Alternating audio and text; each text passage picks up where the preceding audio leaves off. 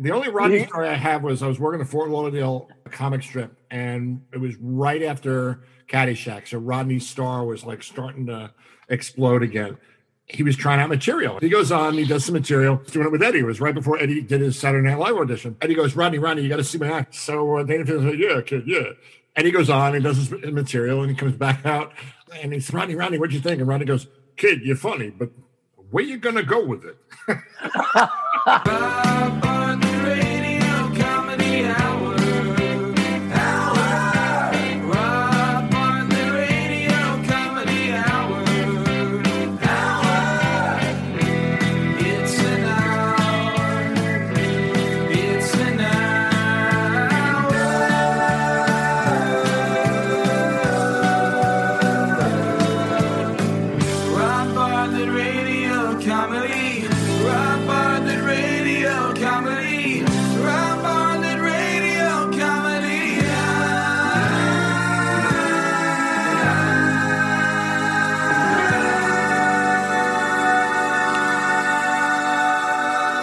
Welcome, welcome, boys and girls, to the Rob Bartlett Radio Comedy Hour. I am Rob Bartlett, and this is my radio comedy hour.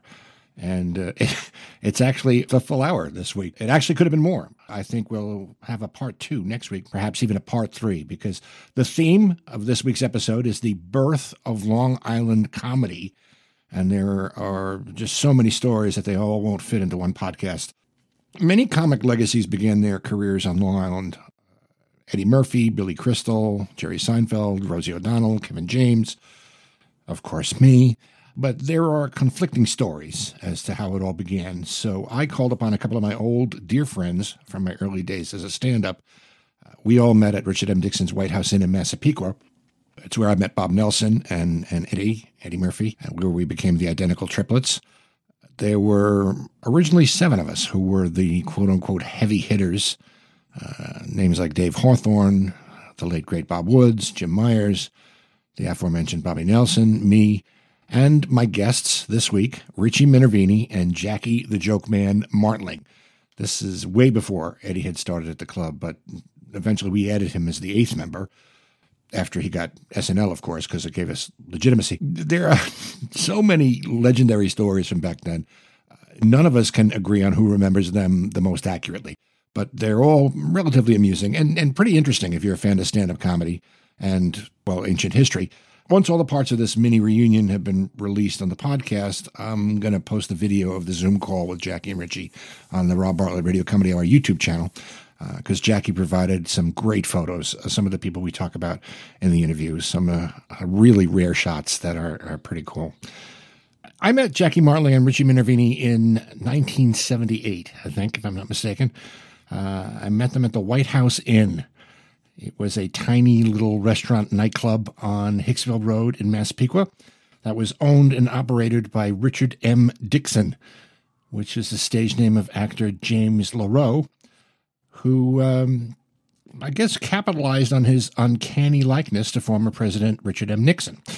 Uh, he had a thriving career, did cameos in movies and TV, uh, where he played Nixon, most notably in a film with Bill Murray called Where the Buffalo Roam. After Nixon resigned, the bottom kind of dropped out, much as it had for Vaughn Meader, who was the voiceover actor who did the amazing JFK impression that was huge. I don't know how many LPs he made as as Kennedy, but of course that all went away in November 1963. So when uh, Nixon resigned, Dick opened the White House as a talent showcase. Back then, Richie was the house MC. Uh, since then, he's gone on to a thriving comedy career, headlining in Vegas, Atlantic City.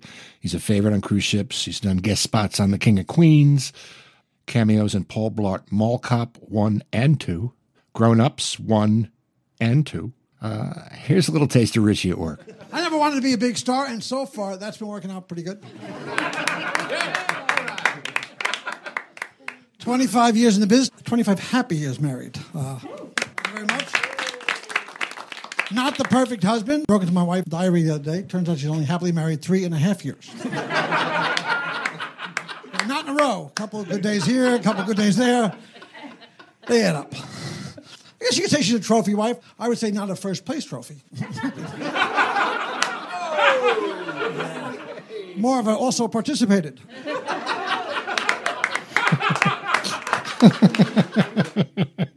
Jackie the Joke Man Martling uh, is most recognized as a man who, for 18 years, was the head writer on The Howard Stern Show. He wrote for Rodney Dangerfield. For many years, he opened for him on the road. And to my knowledge, Jackie has never been stumped when challenged to come up with the punchline for any joke that has ever been told in the history of mankind.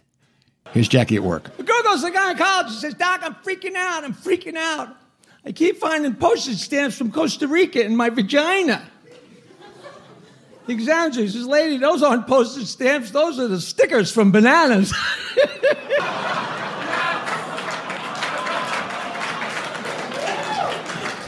the wife's sitting on a deck drinking a glass of wine. Husband walks out with the newspaper, sits down, starts to read. She says, I love you. I love you so much. I don't think I could make it through a day without you.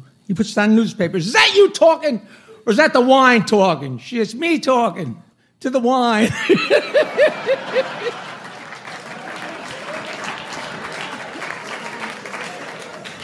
a drunk, a drunk stumbles into a confessional.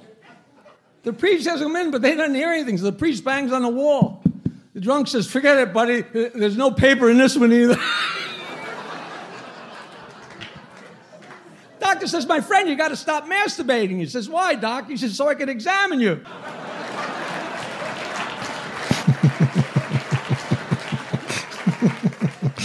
So the other day, I sat down on Zoom uh, for a couple hours with my dear, dear friends, and we told stories about the old days. And uh, what you're about to hear is part one of that conversation. I, I had to go for a COVID test. I had to put down my age. I put 67. I look at my, wait a minute, that can't be right. I wrote it down. It's right. Yeah. I wrote 67 and they caught me lying. Why are we wasting this? Roll this fucking tape. This is always the funniest stuff is the first two minutes. Well, that's why I'm I'm, I'm recording. Oh, you're recording already? Yes. Yeah. of course. I don't- Oh, oh, good. second. I always tell people because they say uh, after about 10 minutes, they go, All right, now I'm going to start the tape. And I'm like, You're a moron because the funniest stuff are, is hello, how you doing? I can't believe last time I saw Jackie was on the street in front of Iridium. I had just come out of seeing Les Paul with my son. And we, we we were standing in front of Caroline's and we were talking. I think that's the last time I actually saw you in person. Richie, I can't remember the last time I saw you in person. I can't remember either, Rob. It, it has been, I'll tell you when I saw you last. I turn on the TV and there you are. You're an attorney. You're unbelievable. The SVU thing has come back to haunt me. I'm only wishing that they they syndicate Elementary because that was the best five episodes I ever did. Was when I got to play a police captain, which was always my dream, and I finally got to do it on Elementary and uh, do scenes with Lucy Liu, which was not too shabby. I got to say, Richie, you in North Carolina? I have moved from South Carolina to uh, Florida. And then when the pandemic happened in Fort Lauderdale, I was working 30 weeks a year on the ship. When the pandemic hit, I go, I live here. This this sucks. so I moved upstate to the country in Fort Pierce, Florida. my family and I went on vacation to Myrtle Beach. We were driving on the road, going down the main drag, and I passed by this place, and there was a big marquee, and there was Richie's name, and I was, oh, we gotta go, we gotta stop and we gotta go oh. see him. And uh, so we go, and you had just left the day before. I totally missed you. Oh gosh, very good club, really good club. Great place. Now, Bartlett, the last time I saw you, I don't know if it was before or after the Iridium, but I saw you in How to Succeed with Business, and you were phenomenal. Oh, that it was probably around the same time, close to it. Yeah, It That was, was, uh, unbelievable. unbelievable. that was fun. That was, that was a lot of fun. Actually, today's National Theater Day, so I'm uh, observing. Uh, but I was looking over some old pictures. Uh, by not working, yeah, exactly. I was looking at some old pictures uh, of some of the shows, and and it's so weird to think, oh, I was in that. Yeah. Wow. Jackie, you know, so cool. You're the historian for all this stuff. So when you send pictures, You know, I have so much crap, and I go through it, and, and you pull out a few pictures and scan them in because if you take a big stack of them, you'll never do anything. It becomes another stack. You know, you got to pick and choose. Right. And I know a couple times I've gone past uh, the two or three pictures of Smithtown Landing. you have pictures from Smithtown Landing. I have a picture of Jim Myers on stage, and I have a picture of Hawthorne sitting in a chair with Goopty on his lap. And I, I don't know why I wouldn't have taken that out and scanned that first. But as time goes on, as we reach further and further back, those things become more and more precious, you know. So now I got to make another swipe through there, you know. You, should, you definitely should. I mean, the Smithtown Landing Country Club is a very fond memory to me because I think it was the first time any of us actually made money outside of Dixie. and I just remember it was an actual show. There was like two or three of us, and we were booked, or four of yeah, us. Yeah, I think it was you. It was I think it was you, me, Richie, Hawthorne, Myers. It might have been Nelson.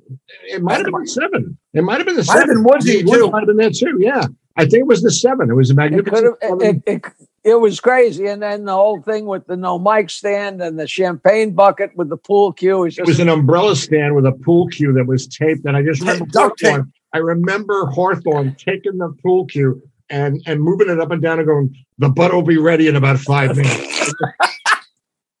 I was telling Jackie I had matches from Dangerfields. And Jackie goes, You're a Dangerfields? Yeah. You ever meet Rodney? Oh, yeah, he's a great guy.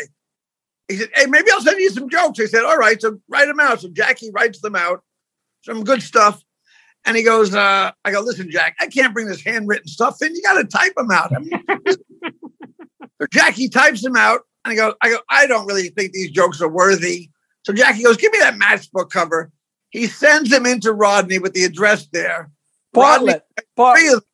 Minervini could not either tell the truth or get a story straight with a gun to his head.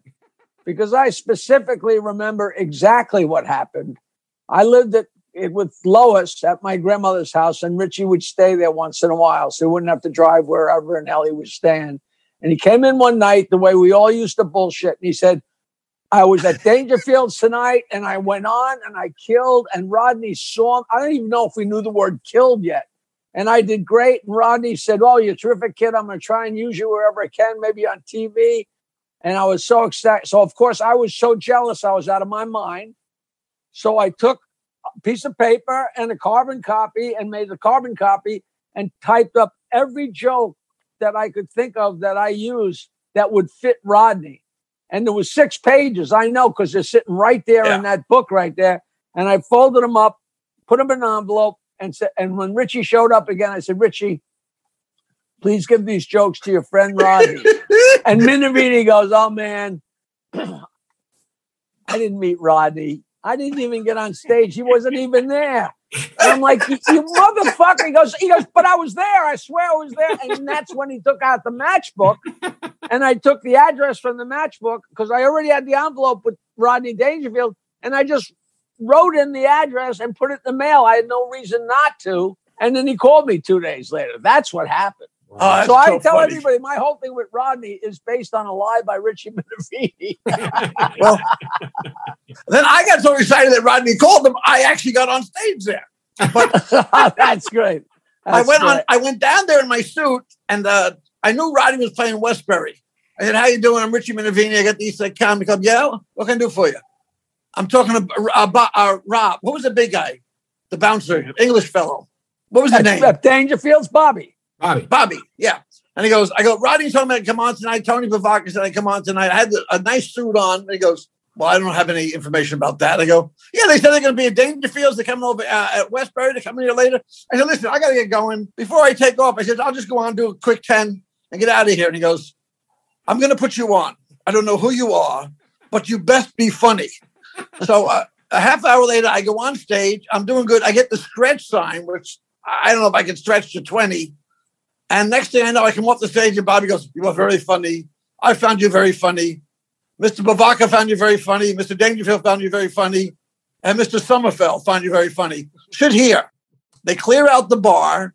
And then Ed Sommerfeld and uh, Tony Bevacqua, the owner of Dangerfields, are saying to left and right, Who the hell said you can use my name? Where do you come off? I said, Listen, I know I was going to be funny. I wanted to give somebody credit. Next thing you know, he started laughing. Oh, and then Rodney came in and he started laughing. Funny kid. I like this kid. He bullshits his way around. The only Rodney story I have was I was working the Fort Lauderdale uh, comic strip, and it was right after Caddyshack. So Rodney's star was like starting to explode again.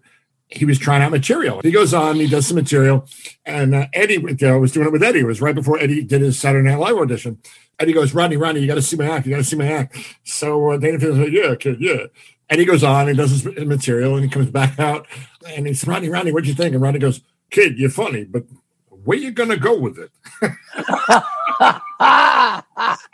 But I just remember Rodney like going over every line that he did with me, asking me what I thought, whether or not it was a good line, because he was, I guess, preparing for a, a Carson shot. And I was just like, Rodney Dangerfield is asking me for advice. Yeah. Like, It's so great. You know, he he really knew to go to every man. You know, the reason he was there was when I went to Fort Lauderdale with him. They had just put that comic strip had just started to happen. I've ne- I had never been there, but I knew it was there, and I knew there was a lot of guys there because it was Easter time, and I was with Rodney, and I said. There's a comedy club that just opened up around here. Do you want to go? And he said, Well, listen, we're supposed to go to see Louis first.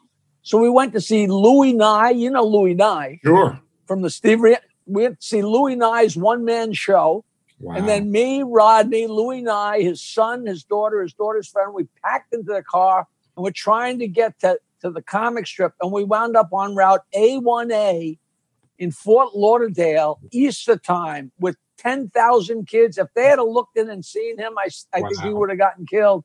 But we got through and we found the comic strip and I walked in. I'd never been there before. I walked in and it was Larry Miller and Paul Reiser and Dennis Wolfberg and Peter Bales, Glenn Hirsch, the, the whole guy. And I come walking in and behind me is Rodney and their eyes pop out.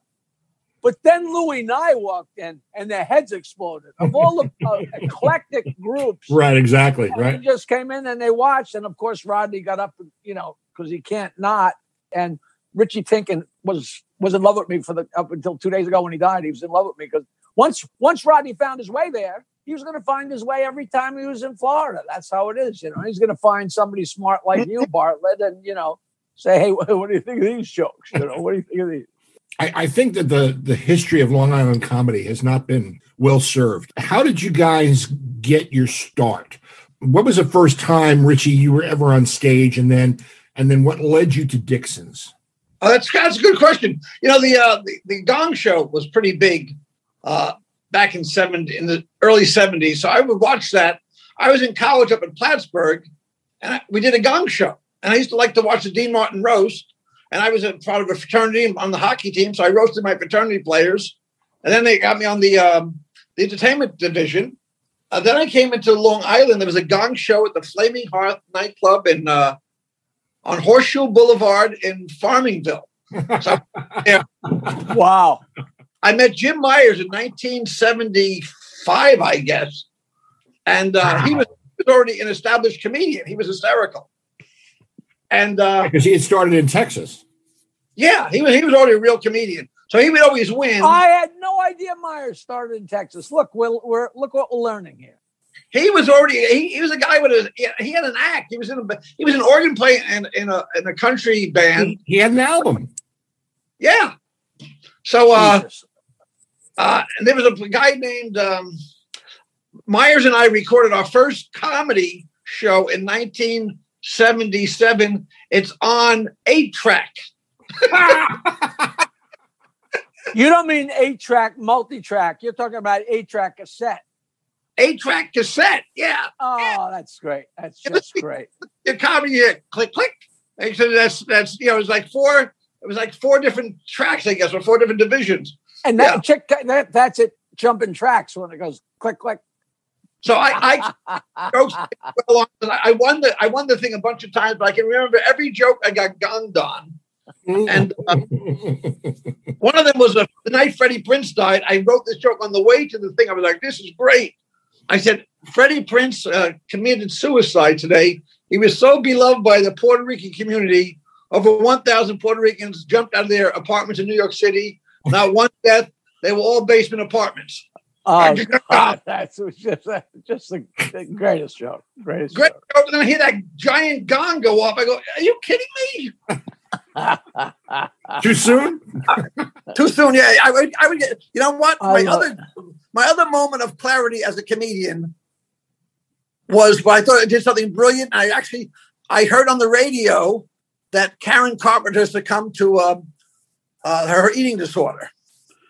So, and I so I tell the guy at the at East Side, listen, bring me up, give me a cordless mic. I said, uh, and they I, they start playing that her song. Why do birds suddenly appear? So I go up to ladies and gentlemen, welcome to Human Beings. So I'm singing, Why do birds suddenly appear? Because their vultures get something to eat. Oh, A huge laugh, huge laugh. Like I'm like, I'm a genius. The first thing out of my mouth is a huge laugh. Then like, what? What happened? She died. She died. Boo! Get off the stage. Get off the effing. I got booed off my own stage in three minutes. Wow. oh, that's great. There's actually an a- there's actually a joke on one of my either my albums. It might have even made it as far as the CD that uh, I have. I they just came out with uh, a CD of Karen Carpenter's greatest hits. And her, her pictures on the side, which, which, is, which is terribly mean, but a very funny joke, unfortunately, you know. At the moment, What led you to Dixon's, Richie? Because when I first Oh. went to Dixon's, you were the MC. You were the house MC at Dixon's. And I remember going on the Wednesday night, which I guess was the open mic night. And I remember there were four people in the audience, and they were like 80 comedians and other acts waiting to go on. And I remember going on like two o'clock in the morning. My best friend since childhood, Steve Greger, drove me there because I didn't even have my license yet. I think it was 77 or 78.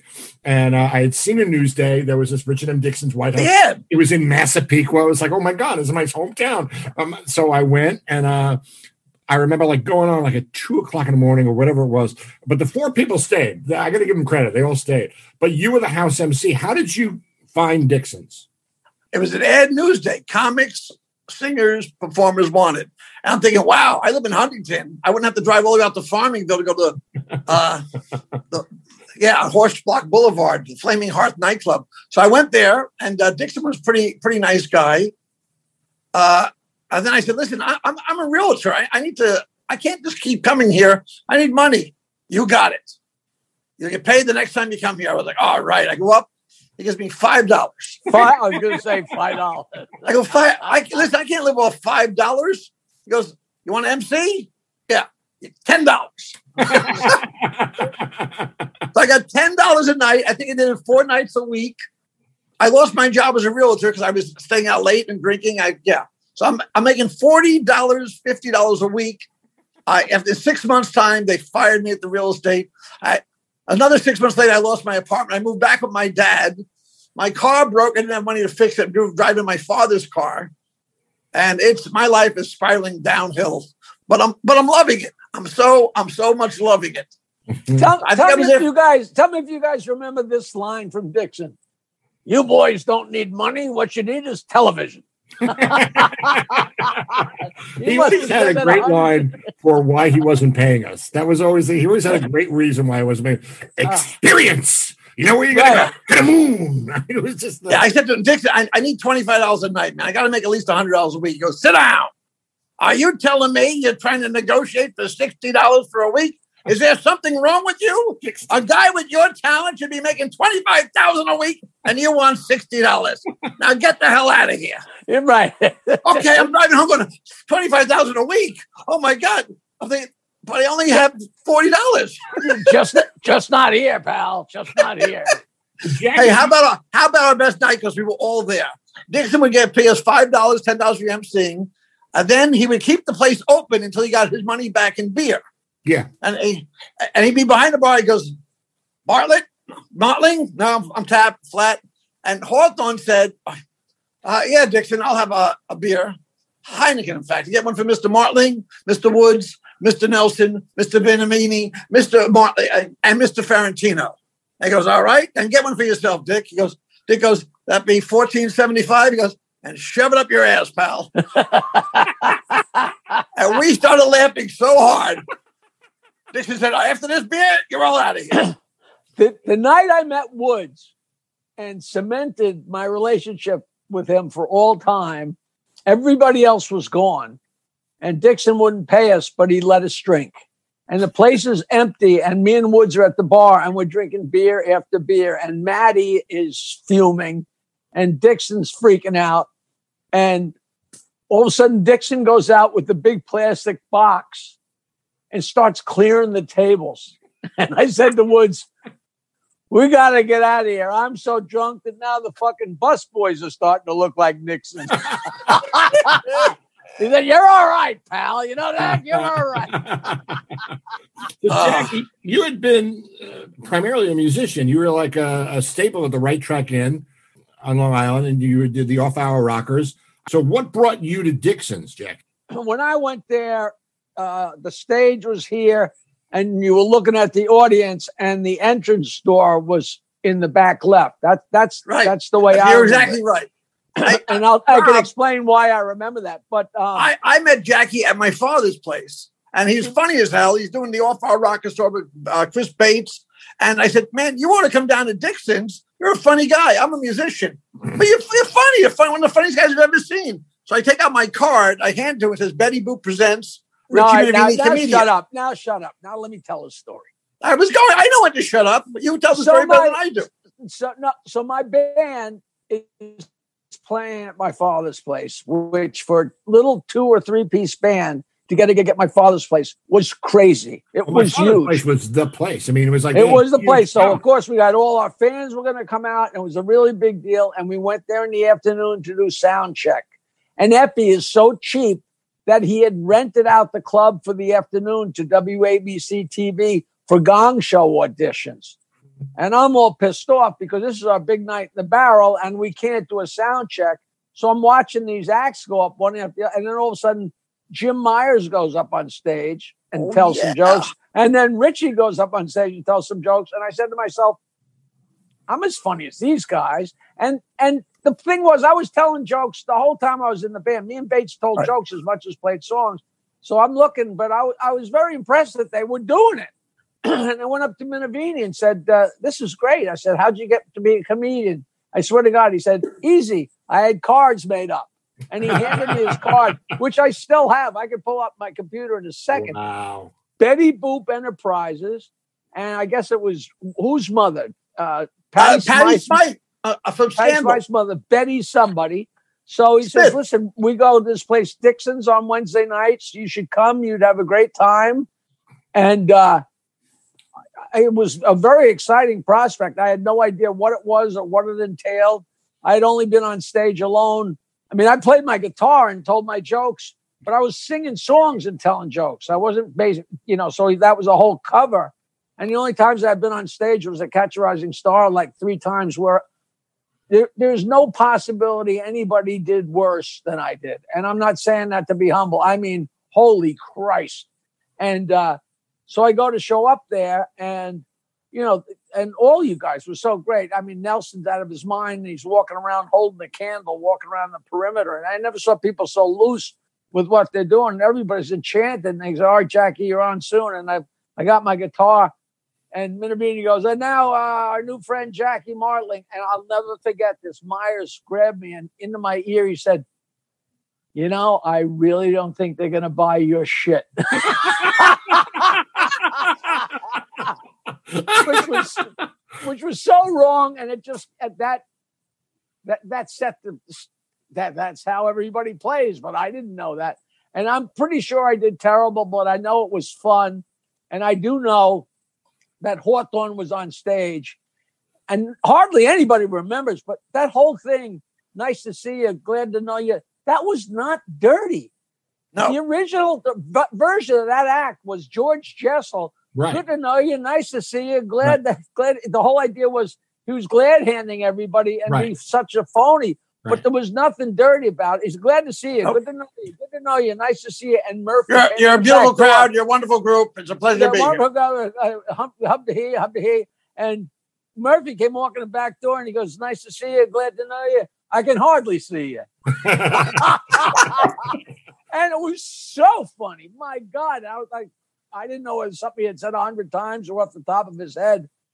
But holy Christ. And and we stayed there for a while and and then uh, and then I always count the rainy night house as my actual kickoff because I went to the rainy night house right. and that was the first time I told jokes and played guitar as I- opposed to played guitar and told I- jokes. I booked you because I was the house MC. Is that, And that's where I That met was- Sharon, my wife, was at the Rainy Night House. is Oh, that isn't that right? great? Yeah. Vic, Uh, Vic Sussman. I'll never forget. I don't know if it was the first night, the fifth night, the hundredth night. For whatever reason, Bartlett, you and me were at the Rainy Night House, and Otto was there, and we had heard of this guy, and we had never seen him. And me and Bartlett were sitting not not right in front of him, but just to the side. But the place was so thin that it was the stage, and then enough room for a waitress to walk by, and then a table. And we're sitting there, and I could kill myself for not still having this tape. But I had my micro cassette recorder, and we're sitting there, and we don't know what to expect. And I hit on the micro cassette recorder, and Otto goes up on stage, gets on stage, and there was an Asian girl right in the front, right in the front. And he just takes George and sticks George's face right in the Asian girl's face. And, Excuse me, miss, are my fucking shirts ready? And I swear to God, Bartlett's screech almost broke the tape recorder. And then he goes, I'm sorry, lady. I know you people aren't happy unless you're being chased by a fucking monster. Monster, right? I thought my fucking heart was going to stop. We're looking at each other like we're in the wrong game. We could never be this fuck. Oh, it was it Oh, was it was so funny. funny and so outrageous and Oh, so r- wrong on every level, but so fucking funny. Oh, I remember there was there was no green room at, at the Rainy Night House. You had to go back out into the alleyway behind the right. place. Either da- dance around the kitchen while they're trying to get the food out, or Right. go in the alleyway. you right. know. But but he would go out into the alleyway with George, the the ventriloquist dummy, and he would talk to George about, you know, you uh, you, you messed up that one punchline. We talked to him like he was a real person. I'll never forget that. I was like Yeah. you keep that illusion together, you know. Because at first you think that he's doing it just to, to entertain us or or you or whatever, Right. and you realize that that's his mo. He gave me this number. He said, call this number. The guy who answers the phone, just tell him to yell out, Otto, you got a phone call. So I, all right. So I call up. I'm looking for, the phone's ringing, ringing, ringing, ringing. I guess at Brooklyn. And I, I go, hello? I go, hey, I'm looking for uh, Otto and George. Who's Otto and George? He I, I was told that you yell out Otto and George and he would come get the phone. The guy goes, this is a paid phone. So I go, well, it says here, yell out Otto and George and he'll come get the phone. So the guy goes, Hey, Otto, George, you got a phone call. I'll be right down. he lived in an apartment on a corner that had a telephone, and it was the summertime. He heard the guy yell again, Hello, this is Otto. It's like, Who is that guy? Oh, that's some guy who's just walking down the street. That's That's like a famous going story back- where a guy's auditioning and he thinks he's such a big superstar, and they say, "I, I we, we, we think we're going to use you," and he goes, "All right, here." And the guy says, "Is this your number?" He says, "No, it's it's the guy in the deli downstairs, but he'll come get me." right. Yeah. It's- yeah. it's- it's- going back to Dixon's, Dixon's was a playground. I mean, and and and to his credit, and you know, I think all of us owe a huge debt to him because of what he provided for us. It was it was this playground where we could really make all the rules, and that's where we all kind of solidified our intentions and our dreams. And that's what he was the one who actually gave us the place to start developing our acts that got us on the road to get careers. And the, the the group that came out of Dixon's and the one that I always like to fondly refer to as the godfathers of Long Island comedy called the Magnificent Seven. And the Magnificent Seven were a group of seven comics who were all really close, real real friends.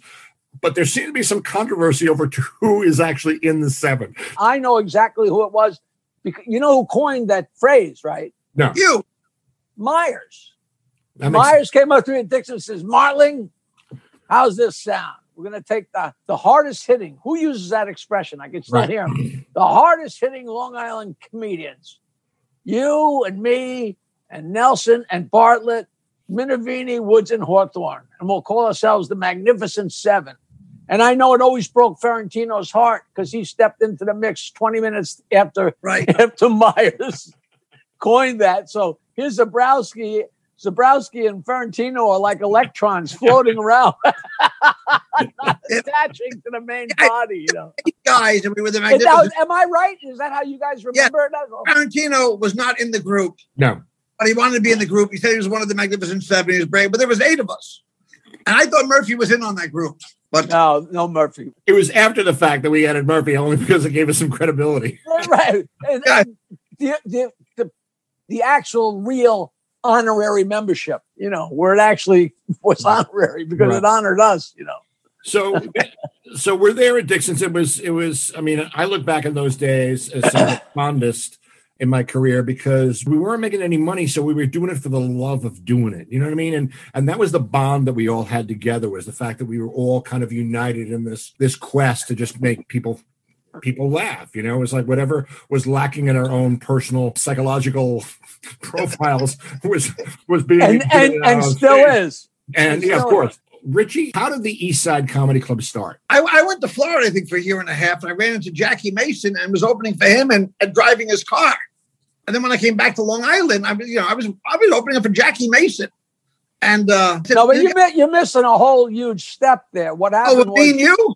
Dixon would not pay us. Right. and Yeah. everybody was frustrated. And then Right. Minervini says, "Hey, me and Woods jumped on stage at this restaurant in Huntington, and everybody stopped what they're doing and they loved it." And I said to the owner, "Can we come back with some guys and do comedy?" And he said, "Yes." And I had the amplifier and the speakers, so we started doing shows. uh, I think for like a year, Minervini, right? Rod- Roger Pinto and, and uh, at, at the uh, top of the town. and Michael and Michael Cooney. And we did Mike- shows for a while, and then then Minervini, I'll never forget because we also had hooked up the Purple Onion way out there. And that was Myers Myers gig, right? Myers booked that. right? And Minervini went to Florida, so me and Myers were like partners because I had the amplifier, so it was like me and Myers and Minervini. And Meyer, I remember Myers saying, "Well, Richie's not here; he's in Florida. Are we going to send him his cut?" And when I got done laughing, I don't know if you guys remember doing that. It was five dollars a piece, but the MC got twenty. But we would drive home and stop at the strip club, and Right. the MC had to pay for the round of drinks, Right. Right. which cost them money. So if you MC'd, you made less than the guys that were on the show. That's right. Hey, uh, you know, Dixon, aside from owning the club, was a wonderful teacher. He would tell you what you shouldn't be doing. Yeah. He had me at the beach with rocks in my mouth doing my act. With the, Is with the- that true? Wow. Oh, God. Is that really Demosthenes? Is that like a real true story? Oh yeah, yeah. He told me, listen, Well, go to- I got the obvious question is why didn't you ever take the rocks out of your mouth? I learned to speak better, but it cost me fourteen hundred dollars in dental work. how did you actually make the step to open up the east side what made it happen and how did it happen i remember myers building the stage i remember myers God, Rob, uh, Jim Myers had built his own house. I used to go over his house all the time. I go, you built this? Yeah, I'm a builder. That's what different you built your whole house from the ground up. I was like, yeah. So we had shows at the Hungry Bear in Huntington, Cinnamon's, top of the town. Uh, and I, I just remember saying, wow, we're making money on Mondays, Tuesdays, and Sundays. I'm a realtor now. I'm back in real estate, and I was uh, selling the East Side Comedy Club. It was a restaurant. The old man died. His son was a little bit older than me. I said, listen, comedy's pretty popular right now. You have a liquor license, right? So why don't we just do a couple of shows here, and I'll still show it as a as a, uh nightclub. Well, we did a couple of shows, and the place it just took off. So we immediately closed. I, I had a deal with the guy, and what the whole thing cost forty eight thousand dollars to start it up. Money down. I mean, if you remember correctly, you were there. wait, Bill. wait. The, uh, the guy, are you talking? Was that Steve Cacciarelli?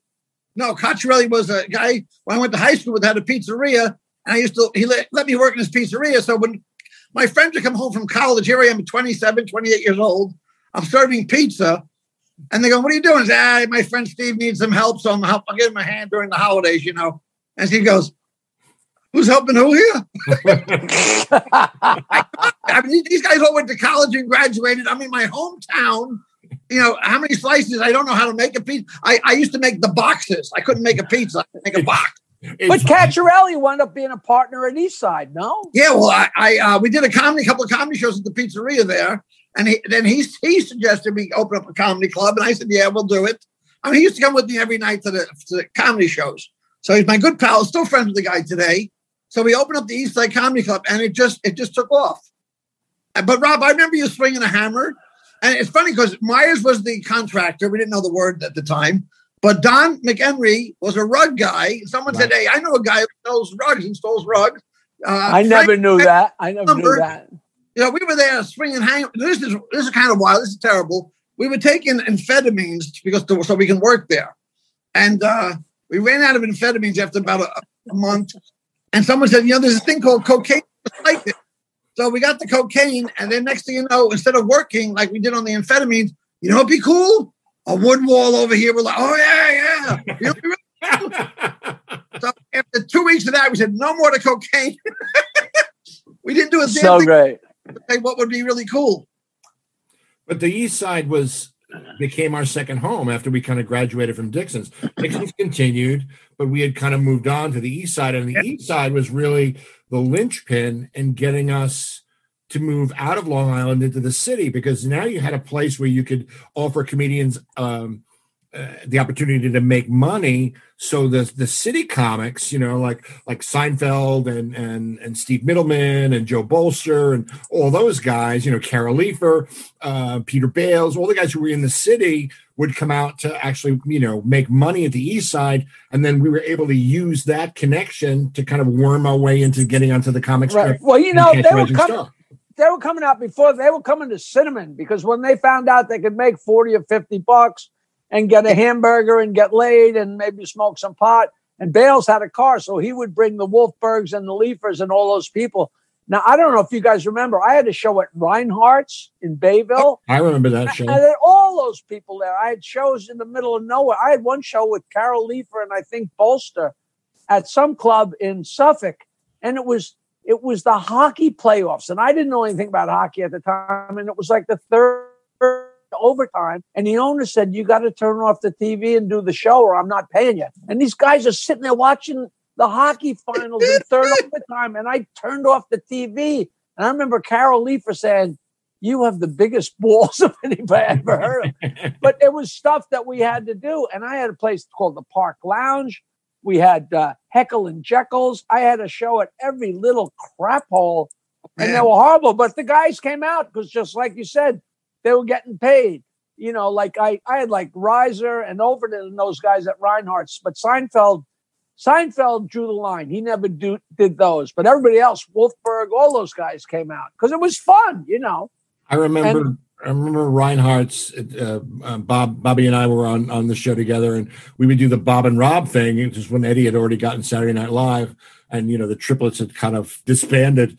Right. Bobby was. Uh, B- Bobby and I would do this thing. It was like it came out of an improv. It was the the divers. It was a diver sketch, and the two of us were divers, and we would you know be doing this whole thing, and we would just be talking to each other through our our masks, whatever. And and Ron Richards was also on the show. And he all, all of a sudden he just kind of crosses the back of the stage. He's got the fire extinguisher on his back, like it was a, a scuba tank. I'll never forget that. Yeah, yeah. Hey, this is how we got credit. We were at the East Side Comedy Club. Bob Nelson's, uh, of course, doing some wonderful stuff. The city guys are in the back room. Nelson's got his suitcase, and I see them taking out his stuff. I go, "What are you guys doing?" Without his props, this guy is nothing. Yeah, I remember them Uh, saying that. Allegiance to Nelson. They go, "Come on, man, just give us five, ten minutes." So Seinfeld was there, and uh, Ron Richard, maybe Reiser, and they're putting plates in and forks, and they're taking out his uh, his moose hat and his props. And I send poor Nelson up on stage, and he we do a little stand up first before he opened up his bag. Well, he opens up his bag. He looks in his suitcase. All his props are gone. Yeah, and now I'm, and now the city guys are laughing because he blew everybody away, and they couldn't stand that fact that Nelson was getting the big laughs. And now he's in trouble. He opens up his thing. Next thing you know, he starts taking plates out. You'll be ready in a few seconds. Your meal be ready. Hold on. And he takes everything they had in his plate, a book. Oh, your library book just checked in. He he made something. he made it all work. Yeah. They all went on stage, and Seinfeld, Ron Richards, and maybe Wolfberg, and they got on their knees and they did the bowing Yeah. to, the, to the Nelson. Yeah. Then we became friends with everybody. Yeah. And uh, then they thought it was cool that I let them in. Uh, Nelson never thought it was cool that I let them do that. But uh, uh, it once, was- once they saw us kicking ass, you know, I, had- you know, everybody's like, "Oh, there's a guy from Long Island. All he does is tell old jokes." Yeah. But then, slowly but surely, you work with them at Freddy's or Mustache Pete's or or wherever, and they see you destroy them, and then you you kill the guys off stage, and they're like, "Well, you know, this guy's all right," you know. You know, Yeah. I I had not a real fight fight, but like a pretty kind of a shooting match. You remember Mac and Jamie? Sure. sure. And Nelson was on stage. He was on stage in Fort Lauderdale and he's destroying the place. And Mac and Jamie are sitting there and they're fuming. They're going on and on about that guy with the stupid props. He's got that bag with all the crap in it. That's you know that that's not comedy. That's ridiculous. That you know that's those props. And after a few minutes, I just turned to them and I said, "Listen, you fucking assholes." he's got a moose hat and he's got a clown's nose. He's got all this crap. He's got all these props. The single best prop a comic can have on stage is another fucking person. And that's what you two assholes do. Why don't you try going up there alone without the other guy and let's see how long you last? And they shut up so quick because That's great. when you have another guy, I know when I was having a hard time on stage, I would just look over at Bates. The whole place would shift. I could take a breath, take a sip of beer, and start over. You know, but the you know it, it's it's all point of view. You know, it's so funny. I remember the nights at Eastside when, you know, on a weekend show, and you used to book these amazing shows, Richie. And then when I think of the people who were on the shows together, people might not know all of the names, but Jack, Jackie Vernon. Yeah, Jackie- I remember opening for Jackie Vernon. I remember saying, "Yeah, that guy was great. I, I especially enjoyed when he said fuck a lot." I remember- I've been in business 40 years. I've never used a vulgarity. And then there's big fella Bobby Woods and these Rob Bartlett and Richie Minervini. I'm going to try something new. How about half of these fucking guys? I remember that. Yeah. Aren't they fucking? Hey, here's another nice fucking joke. I think you're going to laugh a lot of shit at us. fuck, fuck, fuck. Then he went fuck, fuck, fuck, shit, shit, shit. Ass, ass, ass. I can't believe I'm wasting my time writing jokes. I remember that. I remember that. But the, the atmosphere at the east side was very, very similar to that at Dixon's in that it was Yeah. you felt free to do whatever. And and part of that and it was more camaraderie than competition. That's Right, how I absolutely. remember it. I remember going there even when I wasn't booked to just like watch people on stage. And I would Hiram Kasten would be the MC, and I would go up on stage as the plumber, Herb Dexter, and I would Oh. just start fucking with him on stage as Herb Dexter, telling the people in the audience not to use the bathroom because Oh, it was plugged You up. have the plunger over your shoulder. Right, right, right, right. And you'd be waving the plunger in front of Hiram's face. Right. And he had a suit on his suit. I remember you used to come on stage at Governors and do that. It was always so so funny. I do you there were nights when there was so many of us. I think guys would do other gigs, but they would stop at the East Side after, and at the end of the night, and we go up on stage at the end of the night. And I used to play guitar, and we all used to sing together. Sing, yeah. You guys remember Nelson would play a solo on his balloon with his Yeah. fingers? Yeah. It's hard to invent. When I say Yeah. that to people, it really sounds like you're making it up. So I don't He do he do a drum up. solo. He do a drum solo on the, on the. Some I remember Kevin Sullivan on the guitar, Bartlett on the drums, Marlene on playing. I had a bass, and we did a, a, a songs one night. Yes, we did. Yes, we did. I remember that. Great remember that. fun. Navini, give us a nice little encore. And I hadn't played bass in so many years. Ah, boo, boo, boo, boo, boo. He goes, I can't believe you can really play the thing. the next day, I pick up the guitar sober, the bass, and I can't play a damn thing. Two o'clock in the morning, I'm playing the bass. And I remember you on the drums. I go, Bartlett's good. I just remember the feeling of being in that room. Like Joey Kohler would be on stage, and I would be the drunk guy, Leon, and I would heckle him as the drunk guy. Oh, I mean, the best part, part about Joey Kohler was he would go with it. You know, and would just, "Hey, how are you doing, Joey Kohler?" I know your brother Pepsi, you know, whatever it was. And then he would say, What's your name? Leon. I mean, what's your, Leon. He said, Why did it take you so long? Sometimes in my life, we all have pain. We all have Leon, me. And we just used to go back and forth. And I just remember those days so fondly because everything was fine. Everything was great. We could do whatever. It was Richie, Richie provided such a home for us to really kind of woodshed and become who we were because we were all kind of fearless because we were too stupid to know any better. You, you were the most fearless, and I owe you an apology 35 years late. You went after Sal Richards. Oh no! Oh no! I, I, I I was- actually remember that. I remember it remember all you too well. come through this, this the, the swinging door in the kitchen, and I hear Sal, I'm gonna fucking kill you. what would how did that start? It was after it was after the show, and Sal Richards, I guess, had done a weekend, and he he had his brother, I think, was on the keyboard behind, right, and he uh, he used to end his act singing uh, "My Way." Meanwhile, you know, Sal's such a great guy, and and and you know, we're I like to think that we're friends because we used to do like the show after the show. My favorite thing was like to try and do impressions of the other comedians, and so I was doing everybody's you know little snippets of everybody's act, and then it was somebody yelled at Sal Richards, and I went. And now the end is near. And he said, uh, very, very, very funny. But, you know, I've been getting paid for that for the past 30 years. And I said, well, it's really easy to do that, you know, when you're in the mafia. And there was like a hush in the room. And then he stood up and he went, you just signed your own death warrant. Ah, and, turned I- around I and walked out of this. And I was, I thought it was the end. I thought I was going to die. But I just remember that so, so vividly. And then, you know, we were at the bar and we kind of made up. We had a drink together, and he was just a great guy. You know? Do you remember Ron? If somebody was on stage having a bad time, or the audience was really dead, or whatever, do you remember Ron Richards used to walk up near the front and sit there? And the comics knew enough to say, "Who are you? And where are you from? Oh, I'm from Cleveland, Ohio." And said, "What do you do? You know, I I sell uh, ID bracelets that say Bob." You know, you say, "Well, what do you do if your name's not Bob?" Don't buy one from me. You know, it's like the worst jokes in early. Like, Are you married?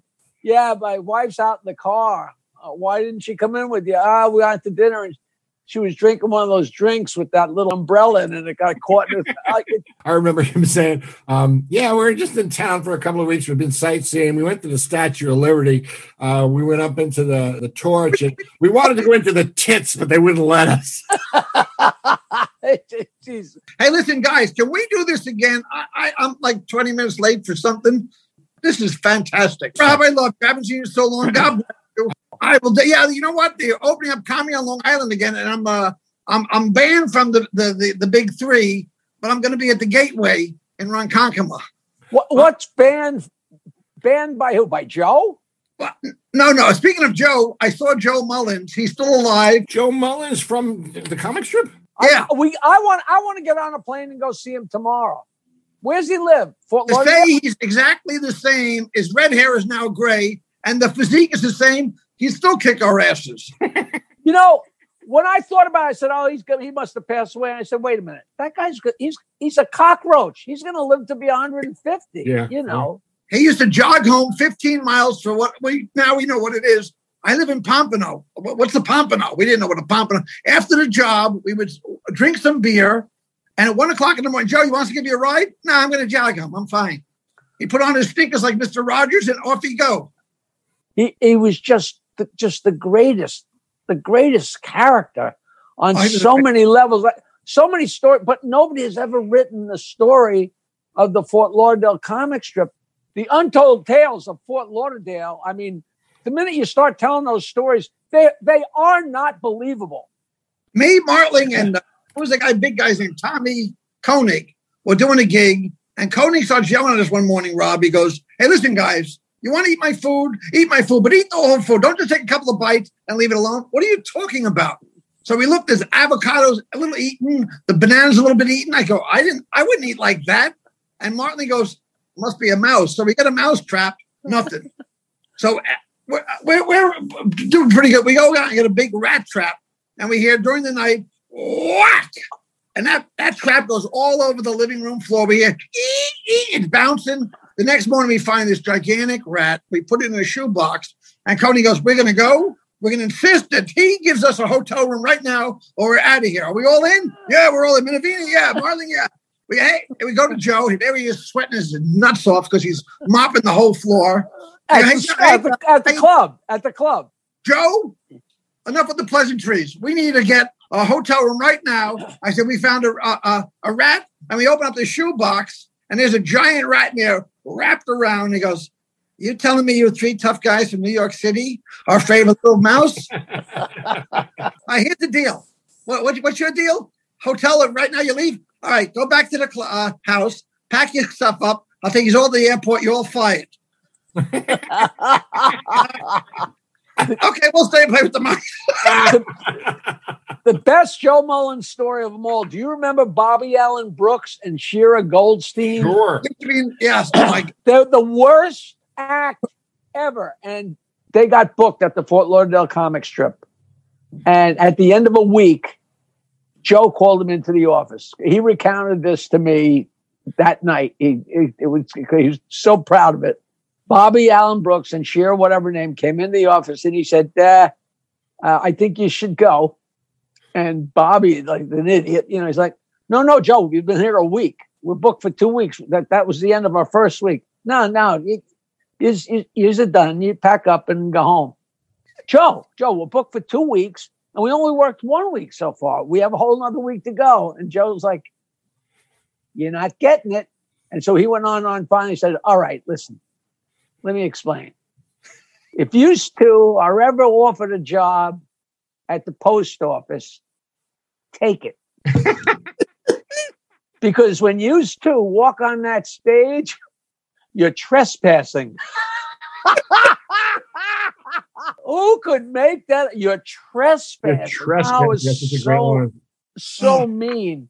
Yeah, fantastic. Love you guys. I'll see you next week. Same time, same place. Thank Gotta ask. I gotta ask. What? Where are you going? On a boat. I promised the guy I was going to go on a boat, and, That's what and he's got people waiting, and he's we supposed to leave at eleven o'clock. I mean, I pushed it back to twelve thirty, and now it's twelve forty-five. I'm sorry. Go. Nothing's I, better than I knew it was something pressing. At least send us a picture.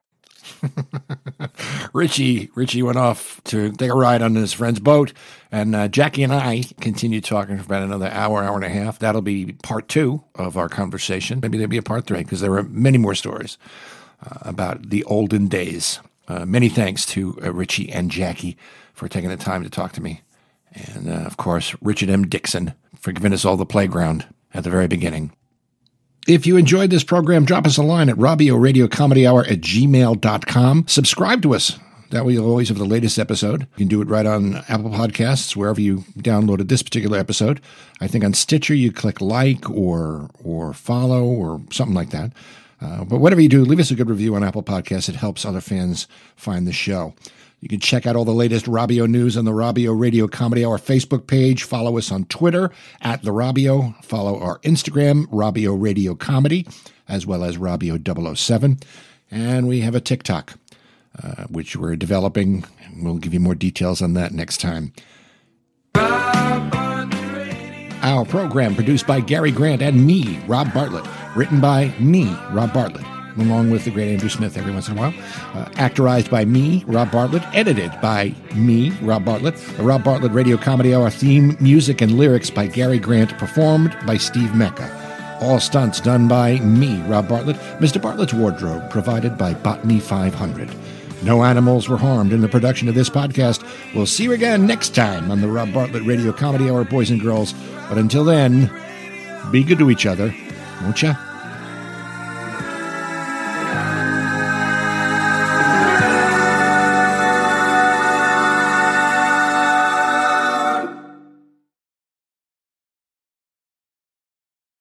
Sitting in the bar. In front of him in the bar is the turtle. Turtle's all wrapped up, all bandaged up. Another guy walks in with a dog. He's, what's with the turtle? What's with the turtle? I'll tell you about this turtle. This is what world's fastest turtle. I bet you 500 bucks we start at that end of the bar. Bartender says go. By the time the dog gets to the bar, the turtle will get to the other end before the dog. I'll take that. Betty puts down a 500. First guy puts down a 500. They go to the end of the bar. Bartender says go. The dog takes off. The guy with the turtle. No!